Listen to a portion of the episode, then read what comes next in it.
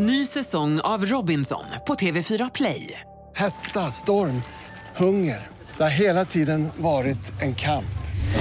Nu är det blod och tårar. Fan händer just nu. Det. är Detta är inte okej. Robinson 2024, nu fucking kör vi!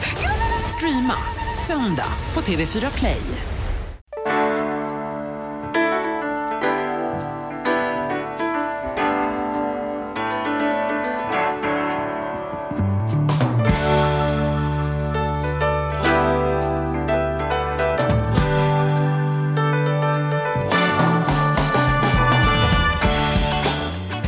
Hjärtligt välkomna till Ekonomi på riktigt med Charlie och Mattias. En podcast om ekonomi som vi gör i samarbete med... Eh, fan vad fort jag pratar idag Mattias. Ja, jag hör det. Ja. Vi måste så här, fan, vi är ju, det är ju sommarchill. Jag liksom. vet, men Vi jag inte- vet inte varför jag fick sån fart. Vi gör det i alla fall i samarbete med Saveland. Ja, Eh, Saveland som är en sån eh, där eh, man kan gå in tillsammans och eh, finansiera eh, lån. Så att. Det är liksom en sån, eh, vad heter det, Den crowdfunding-grejen, peer-to-peer. Precis, vi lånar ut till, till någon annan som kan ha nytta av de pengarna så får vi eh, ränta för det. Och det är företagskrediter och det är, är inkassoportföljer och det är lite alla, men kan man välja om man vill ha bara en påse gott och blandat eller om man vill välja det som man själv tycker passar en bäst. Så det, det, Mm. det är en kul produkt, kul när det finns olika sparalternativ. Men har man lyssnat på oss då har man ju hört det, det vet man ju om. Så att vårt råd är väl bara att gå in och läs på mer på saveland.se. så är det. Och jag tycker, jag är häftigt, jag, jag provar ju, jag tycker ju att det är väldigt roligt eh, med de ämnena vi snackar om. Till exempel vi pratar fondrobotar som jag eh, kan rekommendera bakåt som vi snackade med Jan om, Jan Bolmesson, för ett antal program sedan. Och då, då måste jag ju prova det såklart. Och likadant nu med, så är, blir man ju så stolt om man har en sponsor som, som Eh, ja, men som gillar oss och som vill hänga med oss. Och då, då vill man ju prova det också. Och då är det ju häftigt att se att det faktiskt det har gett den avkastningen som de eh, påstår. Så att eh, för, för mig är det ju, och jag, jag kan inte värdera, liksom, de har ju själva sagt att man kanske inte ska lägga alla ägg i samma korg. Och det har vi tuggat om tidigare. Och det har- har inte jag heller gjort. Men det är häftigt att se eh, att man drar igång och sparar. Och sen har det faktiskt gett så bra avkastning. Så jag, jag, jag tycker det är skitkul. Eh, så att gå in och titta och jag vill också tacka alla för alla frågor eh, som ni skickar in till oss. Och dels det som har gällt Saveland och alla får svar. Så att eh, vi, vi, vi tar det vidare om det är någonting ni undrar kring dem så är det bara att ställa frågan och skicka den till charlie och mattias gmail.com. Och även andra frågor. Vi har fått jättemycket frågor och det är superkul. Eh, nu vet jag, nu ligger jag ett par dagar efter med några frågor men det, det, alla kommer få svar. Eh, så är det. Nu ska du fråga mig vad jag har gjort sen sist. Men du Charlie, vad har du gjort sen sist då? Bra, bra svar, frågat. Du, det har faktiskt hänt någonting eh, otippat. Eh, ja, men jag kan bara säga otippat. Eh, det blir, jag ska försöka göra den här historien så kort det går. Då. Jag, eh, min morfar, som jag stod väldigt nära, han är född eh, ute på Björkö. Eh, hans, hans pappa, alltså min morfars far, var sjökapten och hans pappa, min morfars farfar, var sjökaptener och de eh, bodde där ute. Ehm, och det här har liksom, liksom rörts upp lite på sistone för min lilla syster har börjat släktforska. Eh, Och då var de ute där och råkade springa på de som nu har det här huset som min morfar är född i. Och de bjöd in oss till att komma dit och kolla, för de hade precis köpt det bara några veckor tidigare och började röja och renovera och hålla på. Liksom. Så, och vi har aldrig varit där. Så att jag åkte ut häromdagen tillsammans med mina två systrar och mamma och sådär. Och satt och fikade i deras trädgård och de visade huset och man fick liksom, det är mycket så här killgissningar. Här kanske han hade sitt barnrum, här var det nog köket på den tiden. Du vet så här. Men det fanns ändå gamla bilder vi kunde lämna över. Men nu kommer det fina här.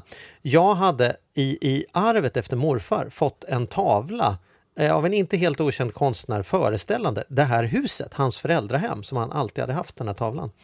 Och den ville vi ju inte sälja tänkte jag, utan den får ju vara kvar i familjen. Men nu när vi skulle dit så tänkte jag så här, jag ger den till dem.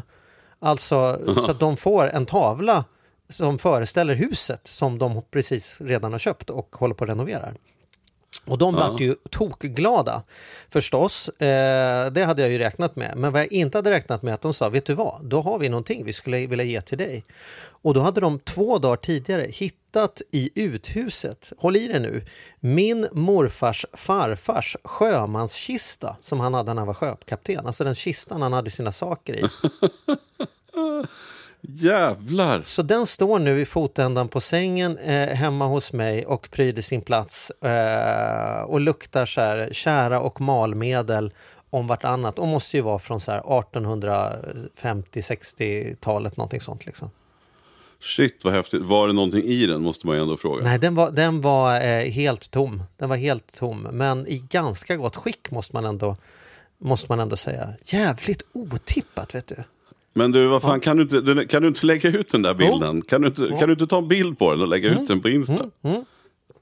Ni ska få den. Ja, min fina Ja. kista. Ja, men så här, så det var så här, från in, ingenstans bara hände det så här. Bara, Jaha, eh, det hade jag inte trott när jag gick upp den här morgonen att jag skulle komma hem med den. Men eh, ja, så är det. Men du, vad coolt att du ändå säger det. Jag måste bara, ska inte dra någon lång harang om detta. Men det var ju så roligt för att när du nämnde det här med släktforskning. Eh, när vi var på landet här i somras, så, så, ja, det var bara någon, några veckor sedan, så kom en granntant förbi som ofta går förbi och plockar svamp och, och grejer. Och det var väl, ja, det var när blåbären hade kommit, så det var väl, ja det var några veckor sedan. Men då, i vilket fall, så, så, så började hon prata. Så kom hon in och vi frågade om vi ville ha en kopp kaffe och det br- brukar hon vilja. Eh, och då sa hon så här, ja, men, vad- så här, vad gör du nu då när det, ja, men i coronatider, de, de är äldre, hon är 82 år och så här, kan, kan inte vara ute på sådär. Nej men, nej men jag släktforskar istället för att, en del löser korsord och jag släktforskar, jag tycker det är skitkul. Och då hade ju Malin några frågor om hennes släkt. Hon bara, ja men jag rotar lite. Kan du bara tala om vad dina föräldrar hette eller något sånt där. Och sen så, fick, så kom Och det, det, en bru- det fil. brukar man ju klara. Vad ens föräldrar Ja, det brukar man klara. brukar man och sen så kom det tillbaka en fil några dagar senare. Och då var ju jag så inspirerad. Och så frågade jag henne om du har tråkigt mer dagar så Mm.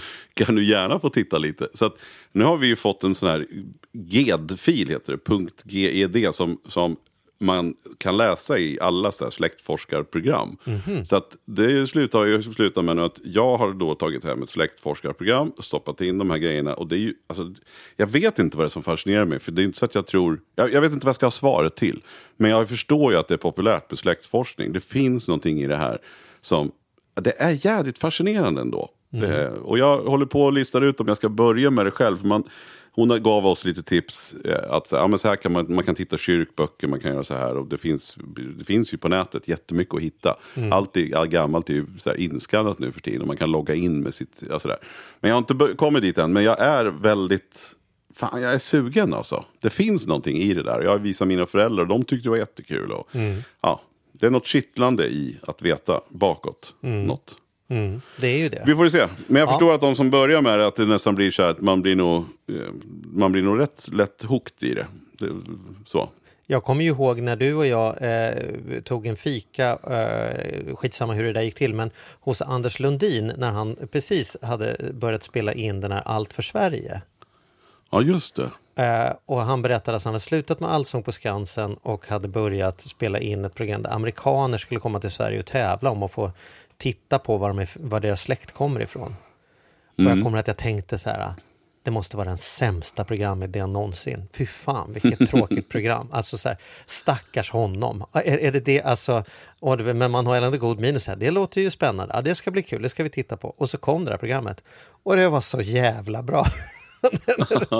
jag var helt hook på dessa fantastiska amerikaner som sökte sina rötter. Liksom. Ja, Ja, och de, precis. Ja, men det finns något. Jag förstår de som Ja, gör det. Sen ja. ska jag väl då också säga att det är ganska...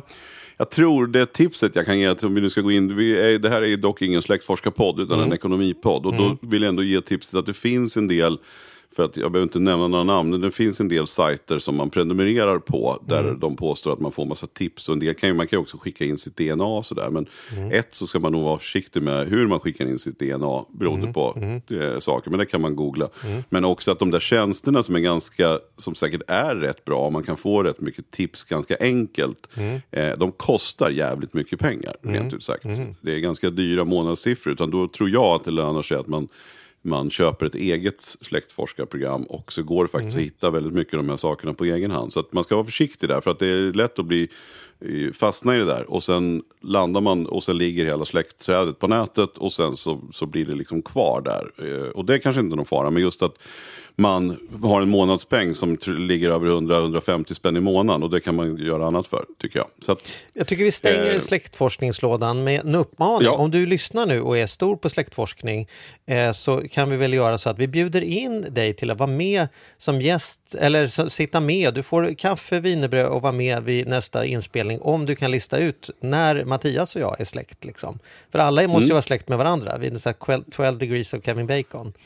Så lista ut om vi är bryllingar eller om vi har eh, kusiner med våra morfäder eller någonting sånt. Det, det vore ju roligt. Ja, precis. Ja. Ja. det vore kul. Ja. Det tror jag också kan vara en affärsidé för de som är duktiga på släktforska. Det tror jag är många som skulle kunna Mm. eh, ägna sig åt det. Jag tror att det är många som, eh, jag skulle gärna betala lite grann för att få hjälp och eh, hitta bakåt. Mm. Och eh, kunna lita på de siffrorna snarare än att betala i någon, någon tjänst som man är fast i månad för månad.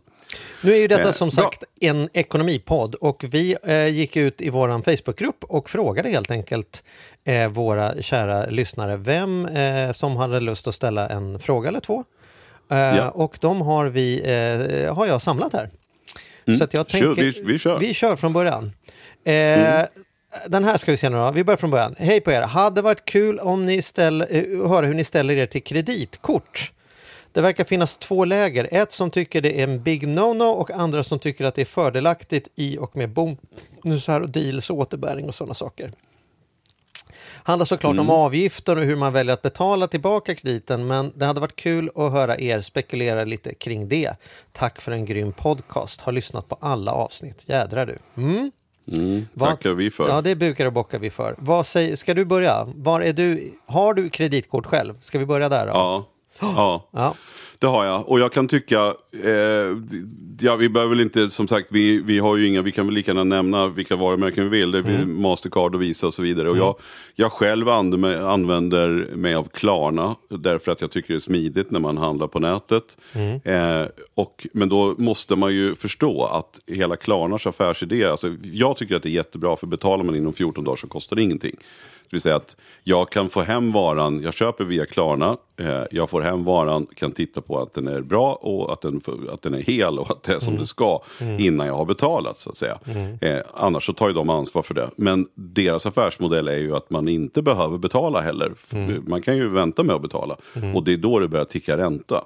Så att ett kreditkort tycker jag kan fylla sin jag tycker det kan vara skitbra med kreditkort. Och jag tycker som i det här fallet att Klarna är bra. Och det vill man lyssna mer på så kan man lyssna faktiskt på Klarnas grundare som jag lyssnade på, på i, i, som sommarpratade här i början på sommaren. Eh, kan vara ett tips att gå in och lyssna på den. Eh, ja, på det eh, sommarpratet helt enkelt. Kanske en blivande poddgäst. Där han inte... Ja, det hade varit skitkul. Och han sticker ju verkligen inte under stolen med att, att det är så att de tjänar pengar på när folk inte betalar i tid. Eh, det är ju ränta. Liksom. Det är ju så de här grejerna funkar. Och är man bara medveten om det och att man har den disciplinen att nu betalar jag innan det börjar kosta någonting. Då är, finns det ju bra grejer med kreditkort. Men erfarenheten är ju att väldigt många, att det är väldigt lätt att man inte be, liksom betalar då i tid utan att man känner att det här kan jag vänta med lite grann. Och där är ju, så det är en balansakt när jag sitter och säger att jag gillar kreditkort. Men används de på rätt sätt så tycker jag att det kan vara jättebra. Men man, fan vad lätt det är. Eh, har jag ju sett, om inte minst på alla mina klienter som har kreditkort och, och eh, inte minst folk som vi har hjälpt tidigare så finns det ju naturligtvis en stor risk och en fara med det. Men, men har man koll så, så kan det verkligen vara bra. Eh, så, så det är min, det var min, det var mitt lite långa svar på den korta frågan egentligen. Vad säger du då? Nej, men mitt svar är väl liknande. Det är klart att det, som, det, det är ju jättebra tycker jag med kreditkort fram tills det är skitdåligt. Det är ju sällan så halvbra, utan det är jättebra. Och en, en fördel jag tycker eh, det är ju inte bara det här som du pratar om att man kan handla på nätet och sådana saker, att det är smidigt. Utan jag, för mig, jag har ju helt slutat med kontanter.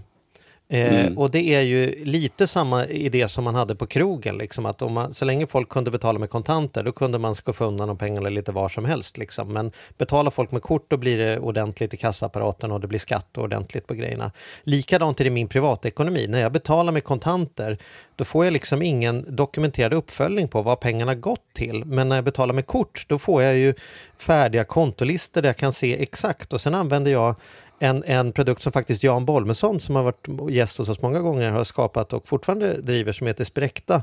Där jag helt enkelt bara importerar mina eh, korträkningar dit och får färdiga tabeller och eh, analyser och genomgång på min ekonomi varje månad som säger så här mycket har du lagt på sparande, så här mycket har du lagt på mat, det skiljer sig så här mycket mot förra månaden. Fortsätter du på det här sättet så kommer du ha så här mycket när du går i pension. Alltså så här, skitbra.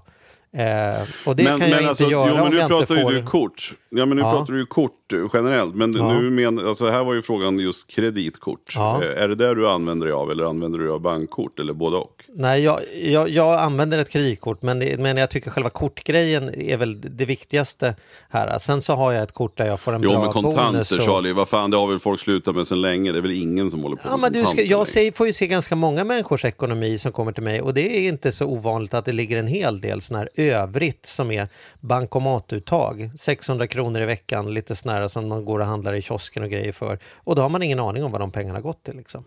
En liten parentes, jag åkte och köpte jordgubbar. Eh, jag och min dotter som är, ja hon är 16. Vi, åkte, vi åkte förbi en liten ort, Malmköping, i somras. Och sen så var det en kille som stod, eller en gubbe som stod och sålde jordgubbar. Och vi bara, åh vad gott, vi måste köpa jordgubbar. Och då sa jag till honom, så här, han stod ju liksom helt, ja men han var väl 80-årsåldern. Och då sa jag så här, men kan jag swisha dig då? Så här, Nej, det är bara kontanter. Och då sa jag, men jag har ju inga kontanter. Nej, men du har en bankomat precis här. Eh, och det var, han, det var så han hade tänkt när han ställde sig just där. Så att då, och då, ja, okej, ja, men då fixar jag det. Och då säger min dotter, åh pappa, får jag följa med och titta? Är det en sån där maskin som det kommer ut sedlar Ah, ur? Du förstår, vet du. Ja. Och vet, hon är 16, hon var helt fascinerad av att det var en sån här, det kom ut, det kom ut sedlar ur väggen. Liksom. Det tyckte hon var skitroligt. Mm. Så att, ja, det säger ju lite om hur länge sedan det kanske var man ändå generellt använde. Men ja, det var en parentes. Men, Men, men man kan väl säga så här då, det, det, det, om vi ska gå i andra ändan, det som inte är bra, det är ju att om det blir ett sätt att låna pengar, det vill säga att man spenderar pengar man inte har, då är det ju en fruktansvärt dyr låneform. Nästan alla andra sätt att låna pengar, om man nu tvunget ska låna pengar, är ju billigare än att använda de här kreditkort och eh, den typen av funktioner. Liksom. Så, så att, och det har ju en tendens att bli så för folk över tid. Att nu var det sommar och det vart lite extra på, på byggvaruhandeln där och då betalade jag inte av hela den här månaden utan vi tar halva nästa månad och sen hoppsan det kanske inte blev den här månaden heller. Och sen kommer det, står det så här minsta betalning du behöver göra är 1800 men, men eh, ja men då betala in det då, istället för att betala in allt och sen vips har man när året är slut betalat ganska mycket ränta på, på liksom eh, tramsskulder som man egentligen inte skulle haft jämfört med liksom att köpa det man har råd med eller ta ett ordentligt lån på bostaden om man nu ska göra, eller vad det nu är för någonting då liksom. Ja, precis. precis. Så det Ja, är nej, men jag, jag är med dig. Jag, jag är helt med. Sen om man ska ha lite så här, min erfarenhet är också så där, det kommer ju undersökningar varje år, vad är bästa kortet?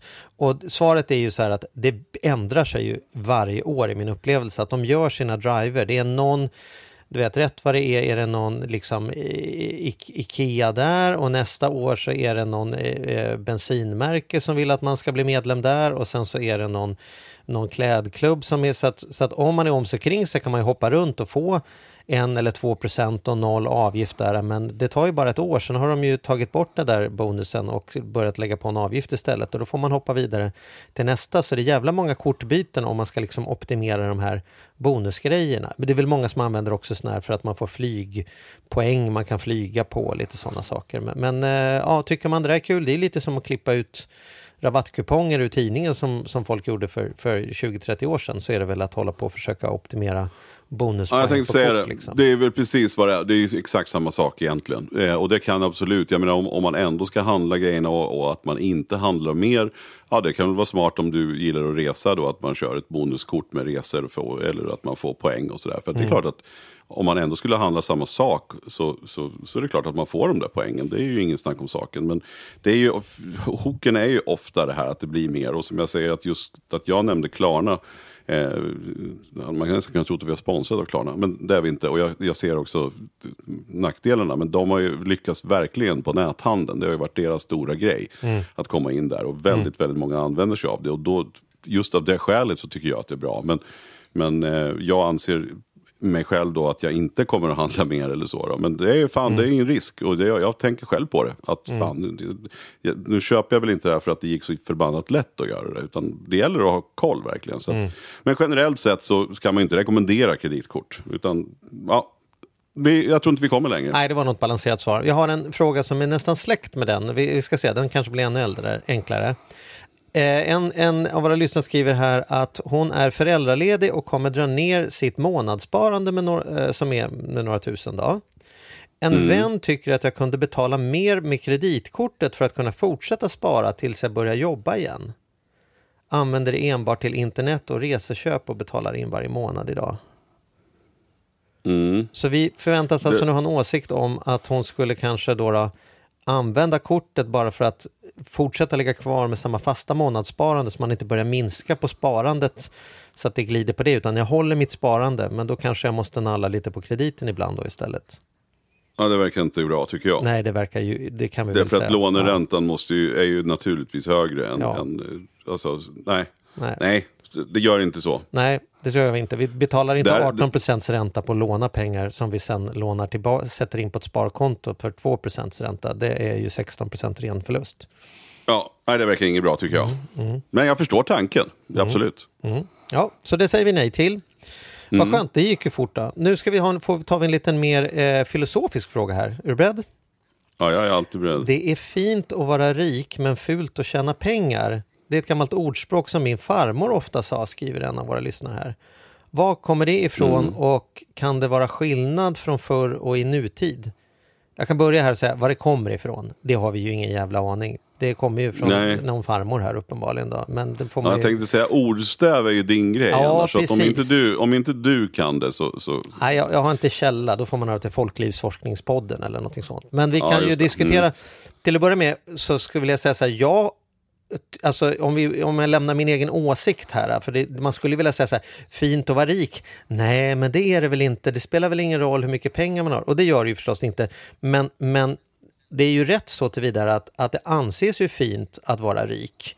Och det kan jag ge många exempel på. Liksom folk som har en fin klocka som kostar mycket pengar visar upp den klockan. Och den som har en Porsche har ju tendens att parkera den framför restaurangen medan den som har en Saab som ryker brukar ställa den bakom restaurangen. Liksom så här. Och, vi, och vi bedöms ju på, det märkes eh, handväskor och så vidare. Så att har man pengar då brukar man ju vilja visa upp det, att, med, att pengar innebär status. Det kan vi väl ändå vara överens om att så tillvida Ja, men det kan är vi det, vara är det väldigt ju överens om. fint att vara rik då. Ja, Och sen så skulle jag nog vilja hålla med även om det andra ja alltså påståendet. precis. Fint inom situationstecken. Ja, eh, ja så. precis. Mm. Ja. Men då kan jag också hålla med om den andra och det är här paradoxen kommer då, då. Att det är fult att tjäna pengar. Det vill säga att om, om, om det är någon som har fokus på det, det handlar mycket om att tjäna pengar eller nu ska jag se till att bli rik. Det är viktigt för mig att se till att bli rik. Att det är fult. Man skulle säga så här, Mattias han är en gnid, en jävel eller han är ju snål så att det, du vet, det handlar bara om pengar. Han ska ha betalt för köttbullarna när man kommer dit och äter. Alltså så här, eh, ja du vet. Det, det, det, så att, jag håller även med om det, att vi lever i en kultur där det är nog fult att, att vilja tjäna pengar. Liksom. Mm. Och då är ju det en Ja, väldigt intressant jag- paradox. Man ska alltså ha dem i överflöd, men man får inte säga att man försöker skaffa dem. Nej, men sen tro, tror jag många upplever att det är fult. Och det är till och med så här, nu är du, eh, hej mamma, för jag vet att mamma lyssnar alltid på alla våra poddar. Vi hade en diskussion häromdagen där vi pratade om någon som, ja, men så här, någon som hade köpt en lägenhet och sålt den och, och gjorde så mycket vinst. Där hon störde sig på att att, att, det liksom, att det kändes oförskämt egentligen. Att det, det är inte okej att, att man kan köpa en bostadsrätt och sen fem år senare har tjänat en massa pengar på den.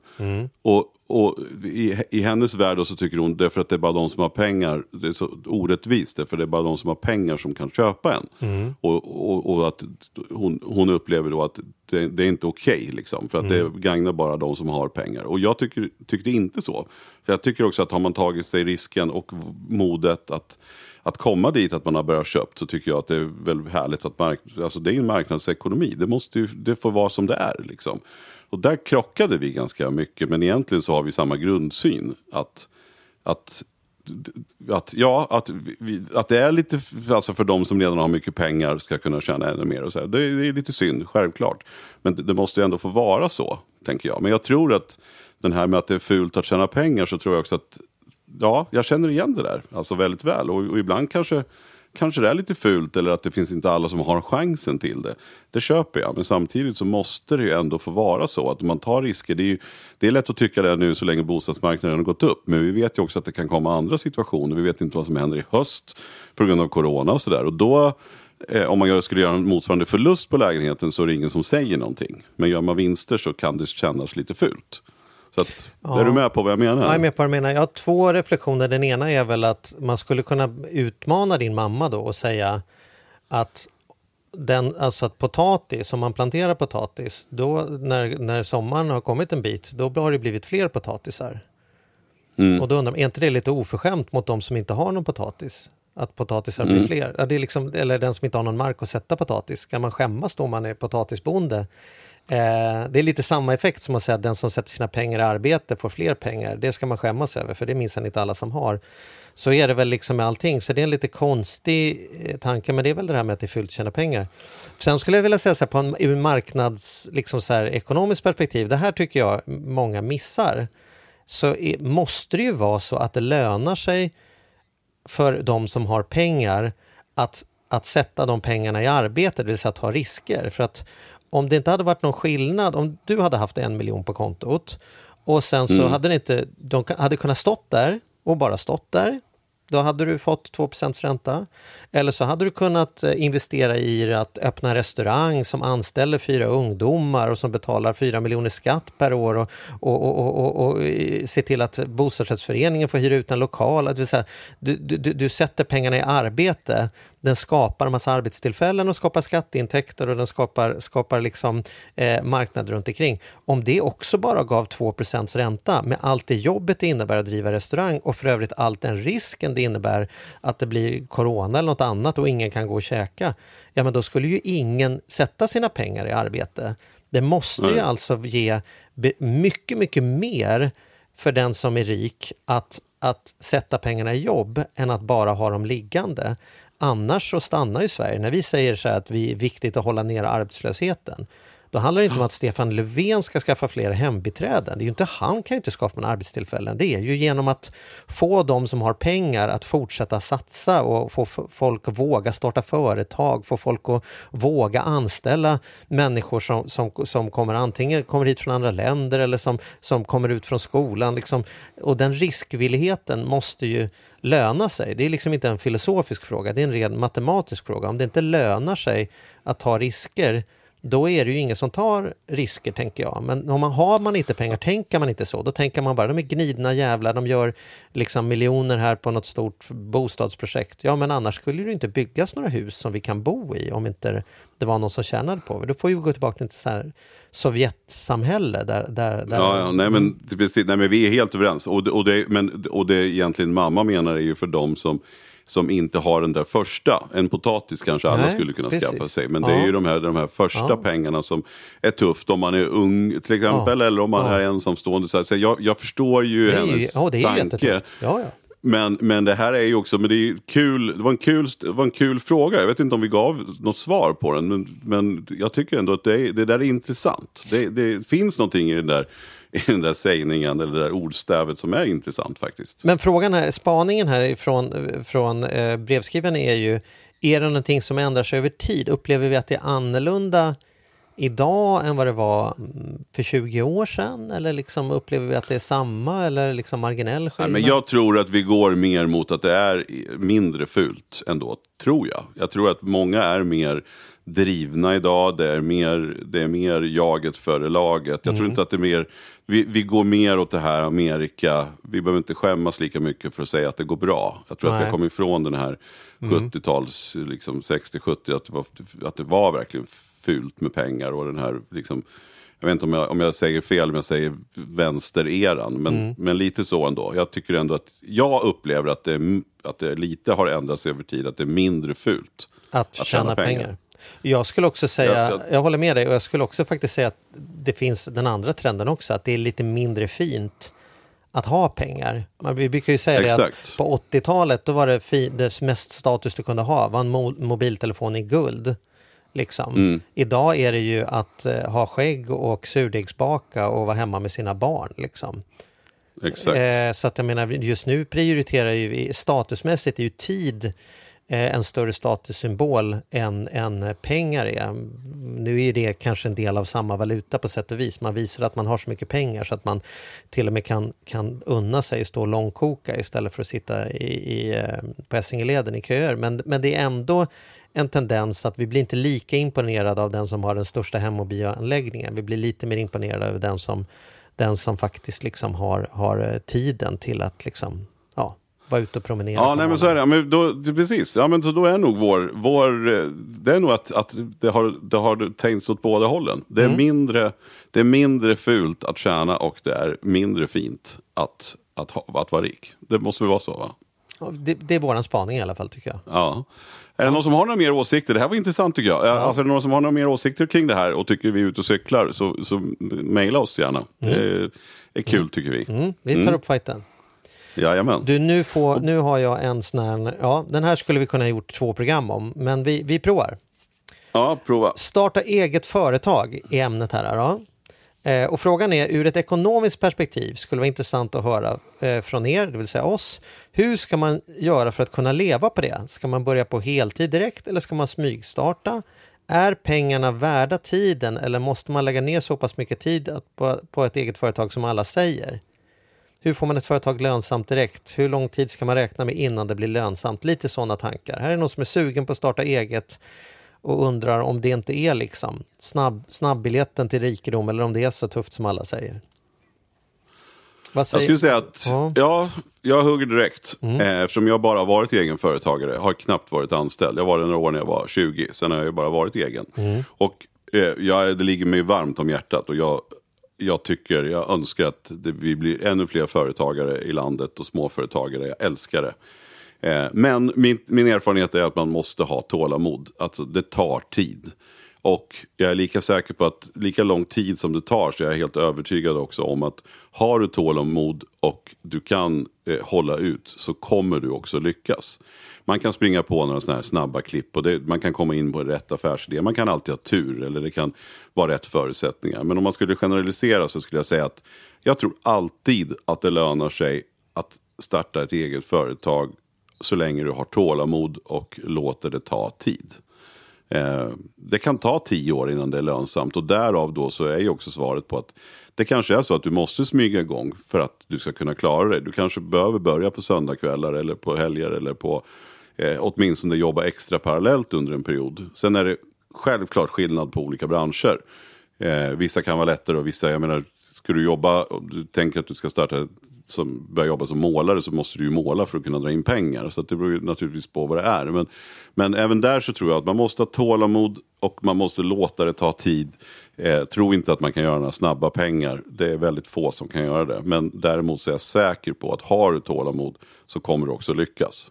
Det, det, är, min, det är min känsla. Ja, men då tänker jag också då, då att då blir ju mitt råd lite så här, ja, lite så här bita mig själv i svansen här och säga det att så tror jag absolut att det är som du säger, eller det är min erfarenhet också, men tålamodet här är, är ju eh, det viktigaste. Så därför skulle jag säga att starta företag för att bli rik, det tycker jag är en dålig idé. Därför att då kommer du inte ha det tålamodet. Utan jag skulle säga, börja tvärtom. Starta ett företag därför att du är så sugen på att göra någonting.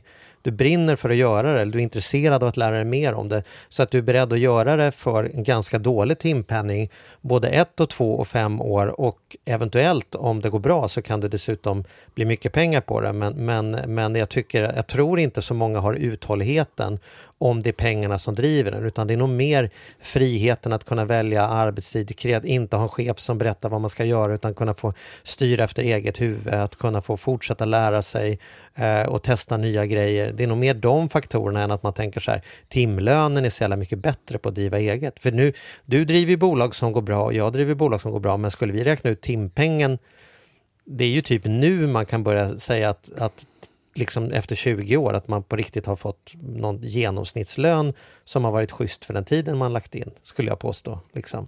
Mm. Nej, men det, precis. Och jag skulle nog säga att horisonten tio år i alla fall eh, är. Och på tal om det så, så kan man också då, nu, jag lyssnar på mycket sommarprat, jag tycker det är superkul. Förra veckan så var Mårten Lorentzon en av de som snackade, som är grundarna, en av grundarna, var han och Daniel Ek som startade Spotify. Eh, och han pratade om sin resa, han pratade väldigt mycket om entreprenörskap. Och eh, det kan jag också rekommendera er som är intresserade av just den här frågan med att starta eget och sådär. Eh, sen är det ju lätt för honom att säga saker när man har lyckats eh, bygga upp världens största streamingtjänst på musiksidan. Men hur lång tid det tog är jävligt intressant. Så det, kan jag, det kan jag rekommendera. Han pratar just också mycket om det här med tålamod och ha tid och, och att liksom, det är tufft som satan. Sen kan ju inte alla förvänta sig att bli eh, miljardärer på det sättet som de blev. Men det är nog inte grejen i det här riktigt. Utan det är som du säger, man, man måste vara sugen och då ska man nog ha, kan man försörja sig på sitt egna företag så är ju det en otroligt härlig känsla. Och till och med kanske liksom försörja några andra, som du säger, som kan skapa arbetstillfällen och sådär. Det är jag otroligt stolt över att ha kunnat gjort genom åren. Så att, eh, gott nog. Men det är bara ett, bara ett, ett bra tips. Eh, Mårten Lorentzon heter han, eh, sommarpratade förra veckan. Då ska jag Eh, komma med, lyssna. Då ska jag det ska jag verkligen göra. Jag ska komma med två tips också. Då. Två saker som jag tror att man antingen behöver gilla eller bestämma sig redan innan man startar företag för att man ska lära sig att tycka om. Och det här tycker jag de flesta missar. Det ena, att börja med nummer två på listan, silverplats. Ekonomi. Du kommer, alltså företagande är ju att göra saker på dagarna men att sen kunna sätta sig ner på kvällarna och läsa siffrorna och börja förstå och vara intresserad av sin resultat och balansräkning och lista ut nyckeltal, lista ut genomsnittlig betalningstid på kunder, lista ut genom att man vrider lite i affärsmodellen där så får man ett annat resultat där. Om man, om man är ointresserad av det och tror att ekonomi det är någon typ av påse med kvitton som man ska kasta in till en bokföringsfirma och sen somna om, då, då, tror jag all, då är jag övertygad om att man aldrig kommer bli eh, rik på sitt företag, utan du måste ta dig an att tycka att det är intressant och spännande spel. Du kan inte spela fotboll och inte ha koll på hur det ligger till i tabellen, liksom, om du ska bli någon Zlatan. Så det är på silverplats, men på första plats, på guldplats, som du behöver antingen tycka är kul eller bestämma dig för att börja tycka är kul, det är att sälja. Att sälja, att skaffa kunder, att prata med kunder, att lista ut hur man kan få kunder, att ta feedback från kunder. Om du sitter och är lite fisförnäm och tänker så här, nej men jag är ingen säljare, jag vill inte hålla på att sälja på människor, utan du tänker att du ska sitta som på någon drottningtron och vänta till att kunderna ska komma och be om att få handla hos dig. Då, då är jag övertygad om att du inte kommer bli rik heller. Man måste tycka att det är kul att göra affär och vara beredd att kämpa och lägga in det där lite extra för att få kunden att förstå. Om inte du kan tala för din vara och tycker att det är jävligt bra och spännande, då kommer du aldrig komma igenom det, det bruset som är där ute mellan alla människor som gör det ena och det andra. Så att jag har sett människor som är riktigt duktiga på sitt hantverk, oavsett vad det är, då, då men som ändå inte tjänar några pengar därför att man är ingen sugen på att sälja och man är ointresserad av ekonomi. Nej, och för att fylla på där då så tycker jag också att var heller inte rädd för att gå ihop och göra. För det kan ju vara så att man inte är den där säljartypen. Man, kanske, man kanske faktiskt, jag menar du och jag om vi skulle starta ett företag så skulle vi nog hitta våra ganska givna roller. Där, där det är bättre att du skulle ta hand om vissa delar, till exempel säljet tror jag. Eh, och, och vi, sådär. Så att jag känner också att var inte rädd att att dela. Det är klart att man ska vara försiktig när man tar in kompanjoner och man börjar skriva kompanjonsavtal och sådär. Men man kanske inte har allting själv, men däremot så kanske man har en kompis som brinner för samma sak. Och jag tror att, alltså att vara, var inte rädd för att ta in. Det är mycket, mycket bättre att vara, vara två stycken som delar på, på, på någonting större än att sitta själv med, med en liten del. Eller, alltså det, det gör ingenting. Jag menar, tar man in en eller två eller tre partners som gör att det här kan bli fem eller sex eller sju gånger bättre så är det ändå en, en bättre ekvation i slutändan. Så att, det tycker jag också då, om man nu känner att vissa bitar klarar inte jag som kommer behövas. Ja, men det, det finns fler. Det går att hitta, det finns ju massa forum överallt och man kan gå på olika företagskurser eh, och företags, eh, liksom haka på på olika sådana här träffar, organisationer och, och ja, det är mitt tips också. För att vissa grejer kanske man inte kan, vissa företag kanske man måste vara fler för. Mm, mm. Absolut, absolut. Jättebra, det var väl... Bra. Ska vi, ska vi nöja oss Vi där? har ju några fler frågor, men vi, vi hinner... Alltså vi, Det ja, men vi, det här är ju skitkul. Ja. Vi får ta fler. Vi får Ja. helt enkelt, eh, det här är otroligt roligt. Fortsätt att skicka in frågor. Eh, sen har vi lite spännande ämnen. Kan vi våga ut. Vi har en otroligt intressant gäst här Mm. nu i kommande podd. Det ska bli jättekul att träffa henne. Mm. Eh, jag ser fram emot det. Så att, eh, ja, det ska bli spännande. Vi säger, har mycket, vi säger inget mer om det, på gång. men, men om man Nej. har ett sånt eh, liv att man eh, lyssnar på detta i efterhand, då kan man ju bara ligga kvar i hängmattan så kommer ju nästa avsnitt med den spännande gästen nu. Liksom. Ja, precis. Ja. Men lyssnar man nu nu så får man vänta en vecka. Ja, så är det kan man säga. Så är livet. Ja, så är livet. Du, vi får i alla fall vänta en- belöning, eller vad heter det? Det är vecka. ditt favoritämne. Så är det ju. Mm. Men vi får ju vänta en vecka innan vi får hänga igen i alla fall. Så är det ju. Ja, så är det. Ja. Men det, det, det fixar vi. Det vi. vi. Vi har ju klarat det i några, några veckor tidigare, så ska vi klara ja, vi, prov, vi provar i alla fall. Ja. Du, kan vara härligt att träffa dig. Tack detsamma. Kram till alla er som har varit med och lyssnat och kul att ni skickar frågor. Vi lovar att vi ger oss på frågelådan igen så fort ni fyller på den. Ja, härligt. Tack för idag. Tack för att du lyssnade. Hej, hej. Hej.